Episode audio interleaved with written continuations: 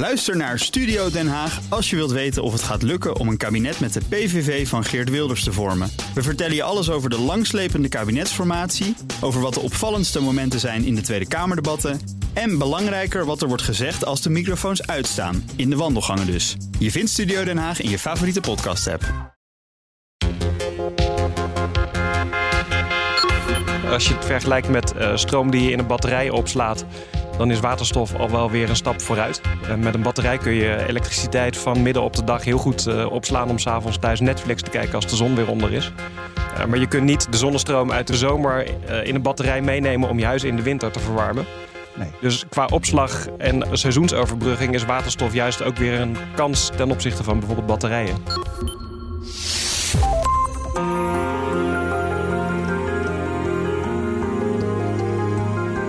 Je luistert naar De Stratege, een podcast van BNR in samenwerking met het Den Haag Centrum voor Strategische Studies. Mijn naam is Paul van Liemt. Bij het maken van waterstof uit aardgas komt ook CO2 vrij. Dat is wat we net niet willen. Dit noemen we grijze waterstof. Waterstof is op zich niks nieuws. Het is al zo oud als het universum. Maar opeens heeft iedereen het erover. We kunnen de CO2 afvangen en opslaan onder de grond. Dit noemen we blauwe waterstof. Maar het blijft niet ideaal. Veel beter is groene waterstof.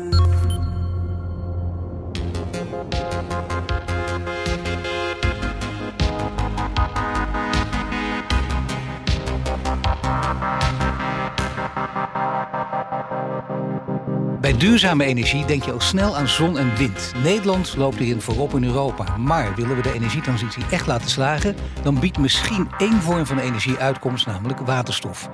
Maar voor waterstof groen is, moet je het wel op een duurzame manier opwekken. Bijvoorbeeld via zonne- en windenergie. En wil je het opslaan, dan heb je veel opslag nodig. Want waterstof neemt veel meer ruimte in beslag dan bijvoorbeeld olie en gas. Dat alles maakt de duurzame transitie waar we in zitten nog complexer. Hoe kunnen we daar een succes van maken? Dat ga je horen in deze aflevering van de Stratege van mijn twee gasten. Willem Henk Streekstra, directeur van Votop, de branchevereniging van tankopslagbedrijven in ons land. En Olof van der Graag, hij is voorzitter van de NVDE, de Nederlandse Vereniging voor Duurzame Energie.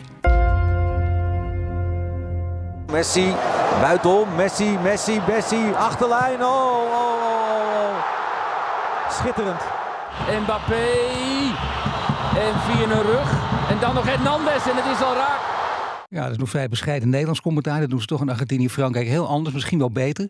Maar uh, ja, het gaat uh, van straks, hè, de, de finale van het WK. Vier uur begint het. En wie moet er wereldkampioen worden? Ik begin met jou, Olaf. Argentinië van Messi of Frankrijk van Mbappé? Ik ben dan toch voor Frankrijk. Ik vind dat ze prachtig spelen. Ik denk dat ze nog veel mooier kunnen spelen dan ze al gedaan hebben. Dus ik zet mijn uh, kaarten op Frankrijk. Nou, je zit er goed in. Hè? Dat is inderdaad de grote klachten op Frankrijk. Ze kunnen het zo mooi, maar ze mogen niet. En uh, nou ja, goed, ik weet niet, uh, Willem Henk, ik lees dat jij wel eens uh, wandelt en fietst en zo, maar voetbal ook een beetje volgen? Ik, ik volg voetbal niet, maar ik ben voor Frankrijk. want oh. dat is toch Europa en daar voel ik me toch heel dichtbij verknocht. Ja, ja, ik normaal ook, maar ik ben voor Messi, want dat is natuurlijk God en die moet gewoon winnen.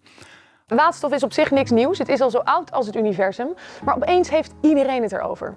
Rutte wil waterstof, de Verenigde Staten willen waterstof, Europa wil waterstof, alle luchtvaartmaatschappijen willen waterstof, de haven Rotterdam wil waterstof. Er worden cv-ketels op waterstof getest, noem maar op. Ja, zo werkt het in het onderwijs ook. Herhalen, herhalen en dan zit het in je hoofd, dan ben je bijna geïndoctrineerd. En denk je, nou, er is niks beters dan waterstof. Nou, er zijn er wat kanttekeningen te plaatsen, gaan we natuurlijk ook doen. Maar Olaf, misschien goed om even uit te leggen, uh, wat is waterstof en waarom is het zo geschikt als energiedrager? Hè? Want voor de duidelijkheid, geen energiebron. Ja, precies. Nee, je zei net al terecht, zon en wind zijn eigenlijk op dit moment uh, de Messi en de Mbappé van de energietransitie. Ja. Daar gaan we heel erg hard vooruit. Er worden heel veel doelpunten gemaakt. Zon- en windenergie gaan in Nederland echt heel hard. Alleen ze hebben natuurlijk ook een beperking, namelijk dat je de zon en de wind niet aan kunt zetten wanneer het je uitkomt. En je kunt het ook niet precies op die plek altijd krijgen waar je het hebben wil. En dat is waarom waterstof voor veel mensen een belofte is. Eigenlijk kan waterstof alles wat aardgas ook kan. Je kunt er vrachtwagens mee rijden, je kunt er staal mee smelten, huizen verwarmen, elektriciteit produceren. Dus het kan alles. En als je het verbrandt, heeft het geen vervuiling. Dus dat is waarom mensen heel enthousiast worden. Maar, ja, maar de grote uitdaging is eh, inderdaad, we hebben het nog niet in een schone vorm. We hebben op dit moment heel veel grijze waterstof. Dat wordt gemaakt met aardgas. Dan heb je alsnog CO2-verontreiniging. Je kunt die CO2 onder de grond stoppen. Dan heb je geen klimaatverandering meer. Gebruik je nog wel aardgas. Dus heb je nog steeds wel last van je afhankelijkheid van fossiele energiebronnen. Maar je hebt geen klimaatverandering meer. Dus dat is een grote stap vooruit, denk ik. Dan noemen we dat blauwe waterstof.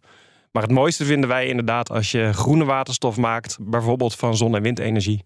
En je hebt ook nog paarse waterstof, geloof ik, hè, met, uh, van kerncentrales. Ja, we hebben ook een keertje op 1 april een bericht uitgedaan over de grote belofte van roze waterstof. Namelijk dat je met een hele roze bril ernaar kunt kijken en dat het alle problemen oplost. Maar er was ook wel een grapje, omdat maar die sommige paarse, mensen. Die paarse, serieus. Ja, nee, dus, er zijn vele kleuren. En, uh, je kunt, dus je kunt met in principe elke schone vorm van elektriciteit waterstof maken. Uh, dat moeten we ook vooral gaan doen. Maar tot nu toe staat het vooral in PowerPoints en nog niet in de werkelijkheid. Precies, het duurt nog zeven jaar volgens de, de, laatste bespiegelingen. Dat is nog een hele tijd. En dan moet je nog maar denken dat het de heilige graal is. En dat is natuurlijk niet. Of de zilverboele. Dat gaan we vandaag ook al merken in deze uitzending, denk ik. Maar denk bijvoorbeeld eens aan de ramp met de Hindenburg Zeppelin. Lang geleden, heel vaak herhaald natuurlijk. Heel veel mooie YouTube-filmpjes ook van. Waterstof is extreem brandbaar. Is, is dat niet het grootste gevaar meteen van waterstof? Uh, nee, denk ik niet. Aardgas is ook extreem brandbaar. Dus eigenlijk is dat juist het grote voordeel. Dat je het zo goed in de fik kunt steken en er nuttige dingen mee kunt doen. Dus je moet het wel heel zorgvuldig en verantwoord doen. Maar echt de grote uitdaging is hoe gaan we op hele korte termijn heel veel groene waterstof maken. Er ja, zijn dus al die paar... veiligheidseisen die dan bijvoorbeeld worden opgelegd omdat het brandgevaarlijk is. En daar gaan er weer hele protocollen omheen. Dat vind je niet zo lastig? Nee, dat moet gewoon goed geregeld worden. Maar dat geldt voor aardgas ook. Als je een aardgasterminal in de fik steekt, dan heb je ook een heel groot drama. Ja. Uh, dus dat is niet wezenlijk anders. Dus goed, het moet gewoon goed geregeld worden. ook vanaf uiteindelijk. Ja, dat is ook opgelost. Nou uh, horen we vaak over waterstof, je zei het al, brandstof voor auto's, maar het kan dienen als verwarming in gebouwen, voor veel meer, eigenlijk voor alles. En nu, nu lees ik over waterstof natuurlijk veel verschillende dingen. Uh, daar zijn de geleerden het ook vaak niet over eens, van wel over één ding. Ja, voor auto's wel, maar je hebt natuurlijk batterijen, dat is veel interessanter. En misschien voor vrachtwagens, voor hele lange enden. Is dat eigenlijk iets wat we vooral in ons hoofd moeten hebben, of is het nog genuanceerder? Zolang als het heel schaars is, en dat is het voorlopig, moet je inderdaad heel goed kijken waar heeft het de meeste toegevoegde waarde. En ik denk dat dat in de industrie is. Je kunt huizen echt uitstekend op 20 graden krijgen met heel veel andere manieren. Met warmtepompen, met bodemenergie, uh, met zonneboilers, et cetera, et cetera. Je kunt inderdaad fantastische elektrische auto's uh, rijden gewoon met batterijen. Dat is ook veel efficiënter dan met waterstof. Er zijn nu ook elektrische trucks op de weg waar je 800 kilometer mee kunt maken. Grote vrachtwagens. Ja. Dus ook dat kan waarschijnlijk voor een flink deel met batterijen. Maar in de industrie waar je echt 12 of 1400 graden warmte nodig hebt, daar denk ik echt dat waterstof een hele ja. cruciale rol speelt. Tot de chemische industrie, dat begrijp ik heel goed. Ja. Uh, huishoudens inderdaad minder. Gisteren zat ik in een discussie, ik weet niet of het waar is, maar ik dacht het wel. Ik denk, ik leg het even hier op tafel nu. Voor huishoudens oppassen met koken ook, omdat er heel veel weglekt. Ja, ik denk nogmaals dat al die veiligheidsissues te maken hebben met het feit dat het in kinderschoenen staat. Dus ik denk dat die technische en die veiligheidsproblemen uh, gaan worden opgelost. Maar wat echt niet op korte termijn wordt opgelost, is dat het gewoon heel schaars is. En dat je dus heel goed moet kijken waar heb je er het meest aan.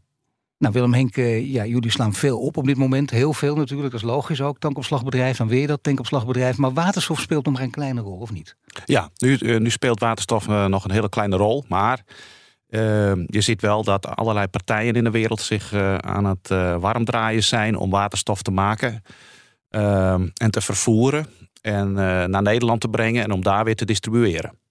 Ja, wat betekent het voor de toekomst? Ik bedoel, want je ziet dat, dat zijn dus bewegingen, ja. dat is aan de gang, maar wat houdt het dan in? Ja, nou ja, wat ik zie gebeuren is dat, dat in Nederland heel veel bedrijven, opslagbedrijven, maar ook in de chemische industrie en ook raffinaderijen ermee bezig zijn om waterstof te produceren en of op te slaan. Uh, ja, het gevolg is dat, uh, dat je een transitie zult zien in de havens. En als je olie wil vervangen, kolen, gas, aardgas wil vervangen met uh, waterstof. Ja, dan, dan denk ik dat die havens er over 10, 20, 30 jaar heel anders uit zullen zien. Nou, dat weet ik wel zeker. Ja, dat, maar dat gaat ook gebeuren. Dat gaat, dat gaat gebeuren. Um, en uh, ja, de gevolgen zullen zijn dat, uh, dat, we, dat we met allerlei opslagvormen van waterstof te maken krijgen die nieuw zijn. Op zich niet nieuw in de zin van dat we niet gewend zijn, maar in een veel grotere volume. Ja, en daar uh, gaan wij ons opnieuw naar verhouden. Nou, dat is een spannende uitdaging. Ja, nee, zegt dat wel. Ja, want het, het neemt veel meer ruimte in dan olie en gas. Hoe zit het dan precies, Olof? Ja, dat is eigenlijk de crux. Dus je hebt uh, meer kubieke meters nodig voor dezelfde energieinhoud. Lagere dichtheid? De lagere dichtheid wordt het wel genoemd, inderdaad. Uh, dat, is, dat is zeker uh, een feit. Als je het vergelijkt met stroom die je in een batterij opslaat, dan is waterstof al wel weer een stap vooruit. met een batterij kun je elektriciteit van midden op de dag heel goed opslaan om s'avonds thuis Netflix te kijken als de zon weer onder is. maar je kunt niet de zonnestroom uit de zomer in een batterij meenemen om je huis in de winter te verwarmen. Nee. Dus qua opslag en seizoensoverbrugging is waterstof juist ook weer een kans ten opzichte van bijvoorbeeld batterijen. Maar goed, die grotere volumes, uh, problemen in de opslag, daar moet je iets aan doen. Nou is het lastige wel natuurlijk, uh, hoe doe je dat? Daar moet je allerlei scenario's voor hebben. Want hoe snel gaat dat? Wat zijn de mogelijkheden? Hoe zit het met vergunningen? Noem maar op het hele traject. Nou ja, daar zijn we druk mee bezig. Uh, wij verwachten ook dat, dat dat niet de komende tien jaar al heel snel gaat. Want er zijn ook nog wel technologische uitdagingen. Maar ik ken bedrijven die in 2025 al de eerste bootje met ammoniak uit Canada in onze haven willen aanlanden. Over drie jaar? Dat is over drie jaar. Dus, en welke bedrijven zijn dat? Uh, dat zijn opslagbedrijven die daar over aan het, uh, nu aan het bezig zijn of ze dat voor elkaar kunnen krijgen. En dan moet je je voorstellen dat we de windvelden in Canada gebruiken om waterstof te maken. Dat gaat in vorm van ammoniak in een bootje. En dat komt hier naartoe. En dat gaat hier een tankopslag in. En dat gaat dan weer naar de industrie, de zware industrie, die veel warmte nodig heeft, om het daar weer uh, en dan wordt het weer gekrekt, zoals dat heet. De waterstof wordt er weer afgehaald. En dat gaat dan uh, gebruikt worden voor, uh, voor de industrie. Ja, en ammoniak in deze combinatie is dan ook nog schoon of niet? Ammoniak is in deze combinatie op zich schoon. Ja. Op zich? Ja, nou ja, daar zit natuurlijk Olof, nee, maar dit, dit is hier altijd in discussies en zo. Dat willen mensen heel graag weten. Als je ergens van overtuigd raakt, als er veranderingen zijn, dan worden mensen altijd een beetje nerveus van. Dan wil je niet dingen horen als op zich of misschien wel. Ja. Dan wil je het wel zeker weten. Ja, nou, het is, het is schoon, maar ammoniak in deze volumes, dat zijn we niet gewend. Nee. Um, uh, we, hebben, uitproberen. we hebben in dit land uh, uh, geprobeerd om ammoniaktransport een beetje uit te bannen. Ehm, ja, en je zult nu zien, en dat is denk ik een belangrijke kwestie of vraag, ook voor de politiek. Als wij eh, waterstof importeren, wij zelf denken dat ongeveer 80% van onze behoefte in Noordwest-Europa geïmporteerd moet worden. Dat kunnen we zelf niet maken omdat we niet genoeg zon en wind hebben. Heel veel zijn we afhankelijk en dat willen we niet. Hè? Nee, dat willen we niet. Maar wij zien niet dat uh, met in ons klimaat uh, dat, en, en de industrie die we hebben dat wij, uh, uh, dat wij heel veel zelf kunnen maken. Willem Henk, wacht even. Ik denk dat je geholpen moet worden, want ik zie Olaf kijken. Die denkt, nou, misschien is er nog wel een mogelijkheid. Ja, wij zijn daar wel een stuk optimistischer over, gelukkig. Kijk, in principe is het sowieso het handigste als je energie meteen gebruikt als je het opwekt. Hè. Dat is niet goed voor de opslagbusiness, maar dat is denk ik voor de economie wel heel handig. Wanneer de zon schijnt, gebruik die stroom. Wanneer de wind waait, gebruik die stroom. En dat geldt ook als we waterstof gaan maken. Dus waar ik zelf in Nederland ook een grote toekomst voor zie, is dat we doorgaan met het succes van het bouwen van windparken op zee. Nederland heeft een fantastisch stuk van de Noordzee te pakken. Dat hebben we aan onze voorouders te danken. Die zee is misschien wel de beste zee ter wereld voor windenergie, want hij is niet diep. Dus het is relatief makkelijk bouwen en het waait heel hard. Dus je hebt veel opbrengst uit je turbine. En wat je zou kunnen doen is meteen op zee waterstof maken. Dus niet eerst het als elektriciteit naar land brengen en er dan op land waterstof van maken. Maar je kunt ook offshore elektrolyse toepassen. Dan breng je de waterstof aan land. Als je dat dan meteen de fabriek insluit die toch al aan de kust staat, dan heb je een heel efficiënt systeem gebouwd. Dat klinkt inderdaad optimistisch, eh, Willem Henk. Ja, nou ja, ik, eens, dat moeten we zeker gaan doen. Maar wij denken, uh, uh, wij denken niet dat dat de behoefte zal dekken van de Noordwest-Europese industrie. En dat we ook heel veel moeten gaan importeren. Dus naast de Noordzee, die we inderdaad handig moeten gaan gebruiken, helemaal eens. Maar zeg maar die 80% importeren, dat kan wel door dit verhaal van Olof naar 60 worden gebracht, zoiets. Ik, ik weet het niet. Ik hoor 70, 80 procent uh, zo dat door minder, wordt steeds minder, toch? Ja, nou goed. Wij, wij zijn, uh, daar, daar denken wij wel aan. En ja. daar, zijn, daar is ook onze industrie wel nu mee bezig. Die denkt niet aan productie of opslag vanuit de Noordzee, wel wat. Maar die denkt met name aan grootschalige import. En dan moet je denken aan Midden-Oosten. Afrika, Australië, dus ver weg bestemmingen. Canada hoor ik. Ja, maar Afrika-afhankelijkheid betekent dus China. Ja, daar ben ik, uh, daar ben ik mij bewust. Uh, en dat is ook een vraagstuk, denk ik, die in Europa weer uh, goed naar gekeken moet worden. Want dat betekent niet automatisch dat wij minder afhankelijk worden van, van andere landen. Nee, maar realpolitiek, machtspolitiek, het zal even een tijdje niet weg zijn te denken. Nee, dat denk ik. Ik denk dat we. Olof. Ik denk echt dat op die Noordzee nog veel meer kan dan veel mensen misschien denken. TNO heeft laatst een onderzoek gedaan. Daaruit zeiden ze op de Nederlandse Noordzee kunnen we alleen met windenergie al 60% van de totale energievraag van Nederland vandaan halen. En er zijn ook innovaties gaande. Er worden nu tussen die windparken in de toekomst ook zonneparken gebouwd. En dat vult elkaar mooi aan, want de zon schijnt meestal op een moment dat het niet hard waait en vice versa. Je kunt daar ook met getijdenenergie nog uh, energie opwekken. Je kunt er zeewierteelt toepassen. Dus met die Noordzee hebben we echt een enorme energiecentrale voor Nederland binnen. Ja, lang leven de innovatie, meer geld in R&D, dat is misschien wel handig. Exact. En wat natuurlijk ook heel mooi is, is dat partijen gaan innoveren als ze weten dat er een markt is. En omdat we weten dat we echt per se af moeten van die fossiele energie en ook per se af moeten van die afhankelijkheid van dubieuze landen, weten we ook dat de overheid heel hard beleid moet gaan maken om in no time te zorgen dat we heel veel groene waterstof in Nederland maken. En, als we toch over waterstof praten, jij uh, hebt dat eerder bij ons in uitzending verteld, uh, Willem Henk, maar ik kan me voorstellen dat mensen dat weer vergeten zijn. Dus even nog hoe dat precies gaat, hè? van een product, van schip naar opslag naar distributie, zoals je dat net een beetje omschreef. Maar hoe gaat het dan met waterstof, met die enorme volumes? Nou ja, waterstof wordt ergens gemaakt op de Noordzee. En wij denken ook wel elders in de wereld wat hier naartoe wordt gehaald. We denken ook een beetje aan de kosten. Hè? Uh, alles kost ook geld. Dus je wilt het zo goedkoop mogelijk ergens produceren. Dat wordt, uh, uh, nou ja, ik, ik pak even een land Midden-Oosten. Daar hebben we nou gesprekken mee met, met, met die landen. zonneparken, je maakt van water en elektriciteit waterstof. Dat zet je om met ammoniak, want lange afstanden kun je niet met de pijp doen. Dat gaat in een schip, dat komt hier naartoe gevaren. Dat wordt in een uh, opslag uh, geplaatst. En dan is het de vraag wie wil het hebben. Nou, er zijn er afnemers. En die afnemers die kunnen dat op verschillende vormen krijgen. Je kunt het weer naar pure waterstof brengen. Je kunt het als ammoniak er naartoe transporteren. En dat kan bijvoorbeeld, ik zeg maar wat, naar BASF in Ludwigshaven. ja, dan moet het daar op een of andere manier naartoe worden gebracht. Nou, en daar zijn we nu mee bezig. Om op dat een of andere manier, dat is nog dat precies waar het over gaat dan natuurlijk. Ja, dat is nog... hele grote volumes, maar het is, natuurlijk kan dat. We hebben het over innovaties, dus dat is ook mogelijk. Maar daar moet je nu het hoofd over breken. En ook daar weer tempo gewenst. Ja, precies. Dus de Nederlandse overheid uh, helpt daar ook uh, flink aan mee. Uh, de Delta Corridor is een initiatief om te kijken of wij leidingen kunnen leggen naar Duitsland. waterstofleidingen, dat kun je. Dat kun je verschillende vormen doen. Um, dus daar wordt hard op gestudeerd. Maar jullie slaan nog veel gas en olie op. Straks wordt het allemaal waterstof? Ja, dat wordt straks. Echt een totale vervanging? Nou, kijk, je moet wel denken dat wij verwachten dat we nog wel enkele decennia met olieproducten zullen gaan werken in de wereld. Nederland heeft daar een belangrijke rol in. Uh, dus wij zullen, je zult zien dat wij naast de, de, de, de, de huidige opslag van olie en de, de voorzieningszekerheid die wij willen hebben als Europa, waar ook gesprekken met de commissie over, Europese Commissie over worden gevoerd, wij een parallel systeem gaan bouwen voor waterstof. Dat komt ernaast. En die ja, je, wordt opgejaagd, je wordt ook opgejaagd door die Green Deal. Maar het gaat erom dat je ondertussen ook zorgt uh, dat je aan je draagvlak uh, werkt. Of zeg je, nou, nou, daar gaat het niet over. Precies. Dus de, uh, een andere zaak is dan dat je, dat je draagvlak in de samenleving moet houden. Want dat ruimtebeslag, dat moet ergens wel geaccommodeerd worden. Dat zullen de havens, dat, dat, daar zijn de havens nu ook mee bezig. Waar zou het nog meer kunnen? We kennen de hele windmolendiscussie. Dan moet je daar niet met waterstof gaan hebben.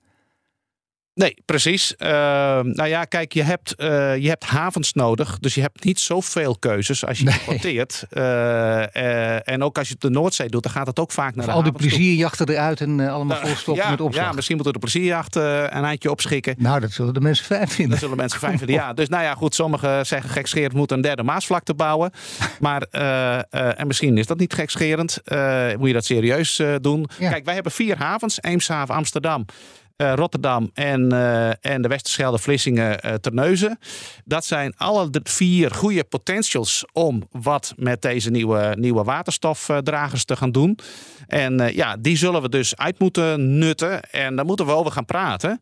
En dat is ook een van de boodschappen die wij hebben aan het kabinet. Uh, uh, probeer wel een. Het hele kabinet luistert altijd. Hè? kabinet dus tegen, ja, die staat helemaal boven in een podcastreeks ja, nou, zo. Dus even, vertel het maar even. Nou ja, de boodschap is dat, dat je wel een punt op de horizon moet zetten. Hoe je met die ruimtelijke inpassing van. Uh, van, van die waterstofdragers, zo noem ik het maar even, hoe je daarmee om wil gaan. Ja, maar ik merk het al, het is geen makkelijk verhaal, Olaf. Je hoort het, hè? veel, mag ik cliché gebruiken, veel uitdagingen liggen op tafel. Betekent die derde maasvlakte serieus overwegen? Ruimte is sowieso inderdaad een uitdaging in Nederland. Uh, in mijn beeld hebben we in 2050 echt geen fossiele energie meer in Nederland. Dus we gaan ook al die ruimte die steenkool nu inneemt, die aardgasopslag, die olieopslag inneemt, allemaal vrijspelen. Dus er komt ook heel veel ruimte vrij. In mijn ogen gaan we ook heel veel energie direct gebruiken wanneer we het uh, opwekken. Dus dat is echt een fundamentele verandering. Wij zijn gewend dat het aanbod van energie de vraag volgt. Maar in het energiesysteem van de toekomst zal het veel vaker zo zijn dat de vraag zich moet aanpassen aan het aanbod. En dat betekent allemaal dat we veel minder behoefte hebben aan opslag. Dus ik denk vooralsnog niet dat de ruimtelijke vraag voor opslag nou ons grootste probleem is. Ik dus denk Willem, ik moet even gaan rekenen hoe lang die nog meegaat en uh, of uh, hoe lang er nog opslag nodig is. Nou ja, ik denk eigenlijk dat de ruimtelijke uitdaging zit in de opwekking. Uh, de ruimte waarmee je energie op kunt wekken in Nederland, die is wel echt beperkt. Nou ja, bij Fotop kan het een groot verhaal zijn natuurlijk ook. Dat mensen denken, wacht eens eventjes. Ja, nou, ik, kijk, ik noem omscholen bijvoorbeeld, dat zou kunnen. Ik ben in die zin niet met Olaf eens. Kijk, wij hebben een, nu een hubfunctie voor de energie. we hebben een internationale trade functie. Het gaat niet alleen om de behoeften van Nederland of de Nederlandse industrie industrie. wij vormen ook een handelsknooppunt voor heel veel energiedragers. En wij willen dat, dat is ook onze ambitie, we willen dat ook in de toekomst zijn. Dus dat betekent dat we in de toekomst uh, importeren, exporteren en allerlei zaken gaan doen met deze nieuwe energiebronnen. En we denken dat Nederland daar uitstekende faciliteiten. Het zou zelfs stom zijn om dat af te breken. Dat zou heel stom zijn, want uh, je, dat is ook een stukje strategische autonomie, wat de commissie wil. Ook een stukje geopolitiek. Dus ik denk dat we ook dat facet, naast het eigen gebruik, uh, ook daaraan moeten denken. Nou, zijn er twee, om even in het spraakgebruik te blijven, er zijn al twee belangrijke stukjes. Wat breng je daar dan tegenover, Olaf? Want je kunt dus niet zomaar afbreken. Als ik naar, goed naar Willem Henk luister, zou dat inderdaad stom zijn. Dus je, je hebt een deel van die faciliteiten nog nodig. Alleen je hebt geen opslag van fossiele energie meer nodig. Want in 2050 gebruiken we geen fossiele energie meer. En landen om ons heen als Duitsland en Denemarken... die zeggen zelfs in 2045 willen wij klimaatneutraal zijn. Dus fossiele opslag is eindige business. Dat gaat gewoon stoppen. En in mijn ogen uiterlijk in 2050. Maar dat zegt Willem Henk ook. Maar er komt heel veel voor in de plaats. Of moet je ook nog voor altijd op onverwachte schokken rekenen en iets eh, achter de hand houden? Ja, dat weet ik niet. Dat is koffiedik kijken natuurlijk. Nee, maar, eh, daarom, nee, maar juist daarom. We zien maar, kijk, je moet, crisis na crisis. Dat je, dat je kunt zeggen, nou dat kan, dat kan me niet schelen. We gaan in een rechte lijn vooruit. Of denk je van nou voor de zekerheid toch wat achter de hand houden? Ik denk dat de Europese Commissie zoals die nu in het, uh, in het vel zit voor zeker gaat. Men wil geen schokken in vraag en aanbod. Dat wil men toch een beetje dempen. Dus ik denk dat men, uh, dat men kiest voor een bepaalde opslag. Uh, maar kijk, je, je zit natuurlijk in die transformatie. En hoe langer je met waterstof en alternatieven aan de gang gaat, hoe beter wij dat kennen, hoe minder je op de oude fossiele uh, uh, brandstoffen hoeft te varen. Dus dat, daar, daar zit een overgang in. Alleen wij denken dat die transitie wel inderdaad tot 2050 uh, op zijn minst zal duren. Dat denken we wel. over een andere transitie gaan praten die even met die kleuren te maken. Bij het maken van waterstof uit aardgas komt ook CO2 vrij. Dat is wat we net niet willen. Dit noemen we grijze waterstof. We kunnen deze CO2 afvangen en opslaan onder de grond. Dit noemen we blauwe waterstof. Maar het blijft niet ideaal. Veel beter is groene waterstof. Olaf, goed zo. Je hebt het helemaal precies goed verteld. Het klopt gelukkig maar. Nee, doe even een check. Hè. Gewoon, dat doen we altijd. Even kijken of het waar is. Ja, zeker. We willen ons aan de feiten houden. Maar inderdaad, die groene waterstof. Ik zei tussen neus en lippen door, als we dat willen gaan doen, als we daar naartoe willen, dan gaat het in ieder geval zeven jaar duren. Tenminste, die periode wordt ervoor uitgetrokken. Dat hoor ik althans van de meeste wetenschappers. Maar is dat iets waar jij of jullie ook aan vasthouden? Ja, er zijn nu wel kleine projecten gelukkig al gaande, waardoor we ook dingen kunnen leren. Uh, maar de opschaling, dat zal een paar jaar duren. Wij denken wel echt dat we in 2030 echt een heel groot volume aan groene waterstof nodig hebben. Ja, maar goed, dan moet het ook lukken. Maar voor die periode, je moet dan ook niet gaan zeggen dat het eerder kan. Dan zeg je nou zo snel mogelijk, maar zo snel mogelijk is 2029, 2030. Ja, voor grootschalig wel. En daarvoor is ook nog heel veel nodig. Want Nederland heeft nu eigenlijk nog heel weinig beleid om het grootschalig te gaan maken. Maar wat is er nodig? Je hebt het steeds over wind en zon. Zijn er dus bijvoorbeeld veel meer windmolens voor nodig? Zeker. Veel meer windparken? Zeker. Ja, zeker. dus je moet het ergens opwekken. Maar ja, uiteindelijk eh, gaat het ook voor een deel gewoon om de business case. Uh, in de huidige energiemarkt hebben we hele extreme aardgasprijzen. Dus op dit moment is ongeveer alles goedkoper dan aardgas. Veel partijen verwachten natuurlijk dat dat op een gegeven moment weer ietsje normaler wordt. Uh, en dat dan groene waterstof duurder zal zijn dan aardgas. Dus bedrijven die willen investeren in groene waterstof, die willen wel weten dat het concurrerend is ten opzichte van aardgas. Dus net als we uh, beleid hebben gehad om zon en wind concurrerend te maken met elektriciteit uit kolen en gascentrales. Zo'n dik subsidie erop. Is er beleid nodig om groene waterstof concurrerend te maken? En ik denk dat we op de een of andere manier moeten zorgen dat het prijsverschil tussen fossiele energie en groene waterstof wordt overbrugd met een ja, overheidsregeling. Uh, ja, nou, maar ik zeg het even simpel. Dus gewoon dan snappen we het ook gewoon dik subsidie erbovenop zetten. Ja, alleen daar heb je dan wel weer verschillende varianten in. Hè? Dus een, een recht toe recht aan subsidie, dat is een hele goede. Maar er is een ander model wat ik ook heel interessant vind. Dat gebruiken ze in het Verenigd Koninkrijk. Dat noemen ze het Contract for Difference. Daar krijg je geld bijgelegd als de energieprijzen heel laag zijn en groene stroom dus in verhouding heel duur is. Maar als de marktprijzen heel hoog zijn, zoals op dit moment, dan gaan de exploitanten van zon- en windparken geld terugbetalen aan de samenleving. Dus het werkt twee kanten op. En dat vind ik een heel interessant model, omdat we natuurlijk ook heel veel maatschappelijke discussie hebben over de vraag wat betaalt de industrie zelf en wat niet. Straf en belonen. En zo'n contract for difference, dat werkt twee kanten op. Als het mee zit, dan betaalt het bedrijfsleven terug aan de overheid. Als het tegen zit, dan staat de overheid schouder aan schouder met het bedrijfsleven. Ja, hoe kijkt de uh, tankopslagbranche hiernaar? Nou ja, even, even om de complexiteit hè, om aan te tonen. 2030 zouden wij uh, de afspraak met de Europese Commissie de grijze waterstof eigenlijk moeten vervangen met de, met de, met de groene. Ja. Voor een groot deel. Uh, uh, wij zijn nu bezig met de grootste electrolyzer op de Maasvlakte, die is 200 megawatt. En uh, die dekt 3% van het huidige grijze gebruik af. Want industrie, Nederland is de grootste grijze verbruiker in Europa. En dat geeft aan de uitdaging naar 2030 dat we er niet zomaar zijn.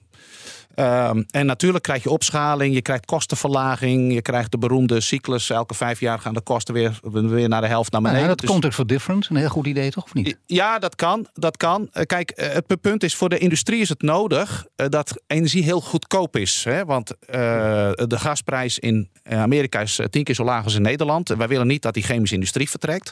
Dus het is noodzakelijk dat wij naar, naar, naar energie gaan die eigenlijk ja, echt lage, lage Maar vertrekt die chemische industrie zomaar? Eh, alsof wij dan veel beter zouden zijn dan het buitenland. Hè? Die discussie wordt ook heel vaak ja, gevoerd. Nou wij gaan naar het buitenland. Nou ja, goed, we zitten ze wel op je te wachten.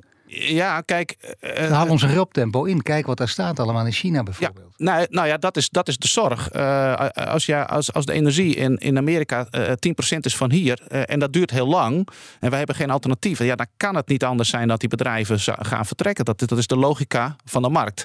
Dat willen we niet. Dus we zullen heel hard moeten werken om, uh, om uh, energie uh, hier naartoe te krijgen. Maar we willen hier, graag de oplossingen. Hoe doe je dat? Hè? Dat betekent dus inderdaad, overheidsbeleid, erg, erg belangrijk. De rol van de politiek speelt hier echt heel groot. Als je dat zo belangrijk vindt, als je die Green Deal hebt, ook Europees. Nou, een visie, hè? Geen woorden maar daden. Ja, een belangrijk is de een visie. Ja, die, is, die hebben we heel lang niet gehad, toch? Nee, we hebben echt industriepolitiek nodig. Dat is in Nederland een woord wat je gelukkig weer steeds vaker ja, maar je ziet hoort. de chemische industrie en Agenda, die, die trekken gezamenlijk op. Die denken erover na. Ja, ja, maar er is nog meer nodig. Er is een, een overheid nodig die piketpalen zet. Die zegt van daar wil ik naartoe. Ik wil die industrie hier houden. Dus niet alleen energiepolitiek, maar ook industriepolitiek. Van ik wil dat die industrie hier blijft. En dat betekent dat je de industrie ook faciliteert en helpt.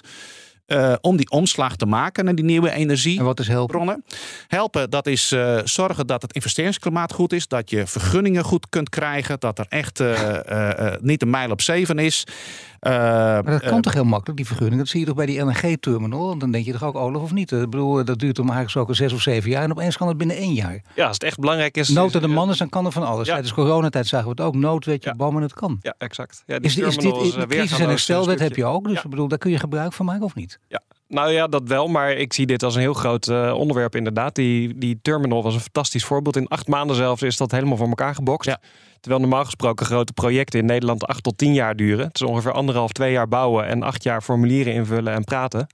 En je moet ook formulieren invullen en praten, want het moet zorgvuldig. Maar als je in anderhalf, twee jaar een complex project kunt bouwen, kun je ook echt wel in anderhalf, twee jaar kijk, dat goede gesprek voeren. Dit is, nou, da, dit is nou het geheim wat de kabinet vaker moet doen. Waarom kon dat zo snel? Omdat de minister zei: gedoog dat en ik sta er garant voor. Er moet iemand verantwoordelijk zijn voor de zaak. En daar hebben we een minister voor, daar hebben we de minister-president voor. En die moet zich zeggen: jongens, wij willen dit en nu gaan we ervoor. En dat is denk ik de kracht, dat kan de kracht zijn van dit kabinet. Als men zegt van jongens, en nou willen we dat gebeurt. En dan kun je zien, dan is het Nederlands bedrijfsleven in staat om in een hele korte termijn hele grote sprongen te zetten. Heb je enig idee dat met dit kabinet het ook gaat lukken?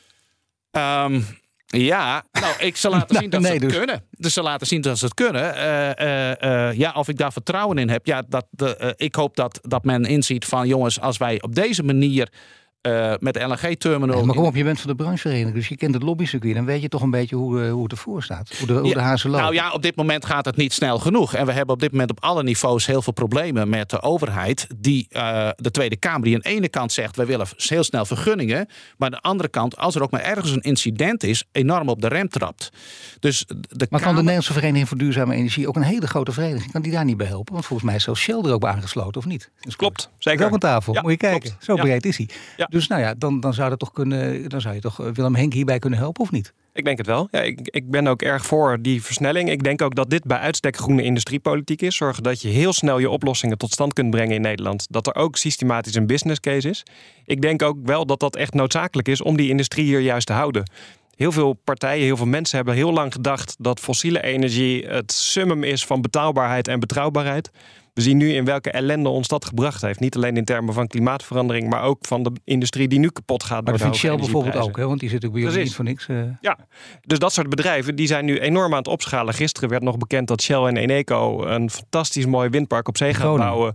Dat netto positief zal uitpakken voor de natuur op de Noordzee. Ja, de Noordzee boven Groningen. Ja. Daar zijn ze mee bezig. Ja. Dat zijn hele grote verhalen, maar dat loopt ook niet heel soepel. Dat gaat geweldig. Dat is echt het Nou, paradepaardje daar van de Nederlandse Nee, ik, energietransitie. ja, natuurlijk. Maar er moet alles mee zitten. Er moeten alle vergunningen gegeven worden. Daar moet iedereen op inzetten. Ja, Dan moeten die bedragen ook gegarandeerd worden voor al die jaren. Ja, maar het mooie van het succesverhaal van Wind op Zee in Nederland is dat er eigenlijk is gebeurd wat er ook met die terminal is gebeurd. Er is een afspraak gemaakt. De overheid gaat systematisch kavels beschikbaar stellen voor de productie van windenergie op zee. Tennet, de landelijke netbeheerder, zorgt op een perfecte manier dat er een stopcontact op zee is, zodat de stroom ook naar het land kan. En die bouwers die gaan in competitie met elkaar. Die begonnen met, met subsidie, maar nu betalen ze geld terug aan de overheid. Dus dit is echt een fantastisch werkende machine. Dat is denk ik het beste onderdeel van de Nederlandse energietransitie. Daar kunnen nee, we juist nee, ik voor zie het hier. Dat, het enorme optimisme is heel mooi. Maar ik, ik, ik zie jou nog een beetje bedenkelijk kijken. Ja, ik denk, ik denk en en. Hey, ik denk echt, eh, je moet de Noordzee uitnutten. eh, uiteraard. Ik constateer wel dat we op de Noordzee heel veel dingen willen doen. Hè? Eh, dat moeten we echt doen. Anderzijds. eh, Dit is- gebeurt ook echt. En er is gewoon Ja. al een financiële investeringsbeslissing genomen door Shell en Eneco. Dus Ja, dit park precies. gaat er Nee, en de gasunie, geloof ik. hè? Bijna iedereen doet eraan mee. Ja, die zitten weer op die eh, aanleg van eh, waterstofleidingen op zee. Ja. Nee, we moeten dat, dat, dat en en doen. Wij zitten met name op de importen. Eh, ik denk dat je dat ook echt moet doen. Ehm, ehm, ja, en dan, en, en, en dan moet dat, die machine gaan draaien. Wat ik nog wil zeggen is wat, wat, over de houding van, van dit kabinet en de Kamer. Kijk, wij zeggen het huidige mo- verdienmodel gaat het nieuwe verdienmodel bouwen. Dat betekent dat je met het huidige model, wat gebaseerd is op het fossiele, waar nog winst ook mee wordt gemaakt, je in staat bent om die nieuwe eh, eh, op te bouwen. Want dat geld moet ergens vandaan En dat komen. snap ik. Maar moet je dat fossiele deel dan zo lang mogelijk blijven rekken? Zo lang mogelijk helemaal, Ja. helemaal gewoon uitpersen? De, eh, eh, de markt gaat dat zelf eh, reguleren. Daar hoef je niet zoveel aan te Nou, doen. nee, we hebben het nou steeds ook over de rol van de overheid. Dus Ja, nou ja, wat ik wil zeggen is dat als je zijn overheid heel erg strak zit, en sommige NGO's zitten erop van nou die fossiel moet zo snel mogelijk weg. Dat kan je doen, maar dan heb je niet meer het kapitaal wat je nodig hebt om het nieuwe op te bouwen. Dus ik zou zeggen, eh, eh, wees vriendelijk tegenover eh, eh, eh, de huidige industrie, die nu gebaseerd is op olie, maar die ook allemachtig veel investeert al in het, in het, in het groen. Hè? Ja, maar hier ligt toch precies de crux inderdaad. Het heeft allemaal met tempo te maken. Moet je zo lang eh, vriendelijk blijven als Willem Henk dat wil tegen de fossiele industrie, vind je? Want je hebt het kapitaal toch groot voorstander van eh, vriendelijke omgangsvormen. Dus dat sowieso. Alleen je moet ook wel heel duidelijk zijn waar je wil dat we zijn. En waar we willen zijn is dat we in 2030 onze CO2-uitstoot met 55 tot 60 procent hebben gereduceerd. En uiterlijk in 2050 gewoon fossielvrij zijn.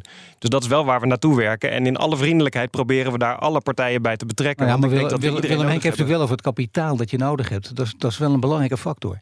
Ja, maar daar zei ik net al over. Veel van die eh, bedrijven die hebben heel lang gedacht dat die fossiele energie de garantie was op een betaalbare, betrouwbare toekomst. Nu bleek dat niets minder waar is. En maar ze zijn ook aan het ombouwen. Maar alleen eh, doe het niet te snel, want je hebt het geld nog even nodig. En dan kun je juist die hernieuwbare energie veel mooier en krachtiger maken. Dat is een beetje de boodschap van Willem Ja, maar ik denk dat het grootste deel van de pijn die we in de huidige energiecrisis hebben, het gevolg is van het feit dat we te langzaam in die energietransitie zijn gegaan. Waren we maar sneller gegaan, dan hadden we echt zoveel minder problemen nu.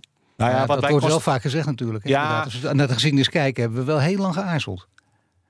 Ja, ja, maar goed, eh, het geld moet wel verdiend worden. Hè? Het moet, eh, de kost gaat voor de baat, maar de baat moet Maar nu gaan er eh, tientallen komen. miljarden naar de subsidie van mensen en bedrijven om hun fossiele energierekening nog te kunnen betalen. Tientallen miljarden, letterlijk. Nou ja, kijk, dat soort dingen, dat moet je natuurlijk met z'n allen over hebben. Wat ik zie is, eh, ik kijk meer naar het investeringsklimaat in Nederland. Dat moet je goed houden. We hebben de afgelopen jaren, vind ik, te negatief over de industrie gesproken.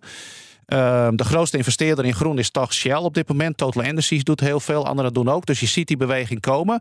En je wilt wel dat die investeringen naar Nederland komen. Ehm, dus in die zin vind ik dat, dat, dat we ook de investeerders, dat zijn niet Nederlandse partijen, dat is een internationale financieringsmarkt. Die moet Nederland aantrekkelijk blijven vinden. Ja, voor groene En- investeringen moet Nederland echt het beste land Dat op moet het beste zijn. land. ik eh, en de meeste eens. investeringen die industrie doet, die hebben ook alles met vergroening te maken. Maar ik maak me soms wel echt zorgen dat, dat, dat, dat Nederland eh, vanuit haar optiek zo tegen de industrie ageert.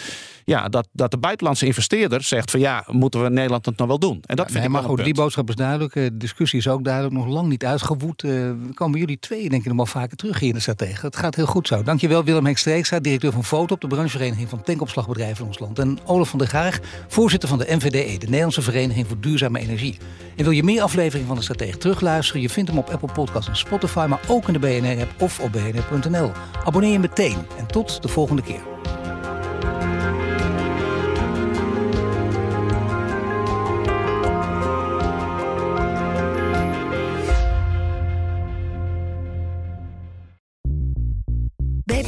Ben je altijd als eerste op de hoogte van het laatste nieuws. Luister dagelijks live via internet. Bas van Werven. En heel langzaam komt de zon op rond dit tijdstip. Je krijgt inzicht in de dag die komt op BNR, het Binnenhof in Nederland en de rest van de wereld. De Ochtendspits. Voor de beste start van je werkdag. Blijf scherp en mis niets.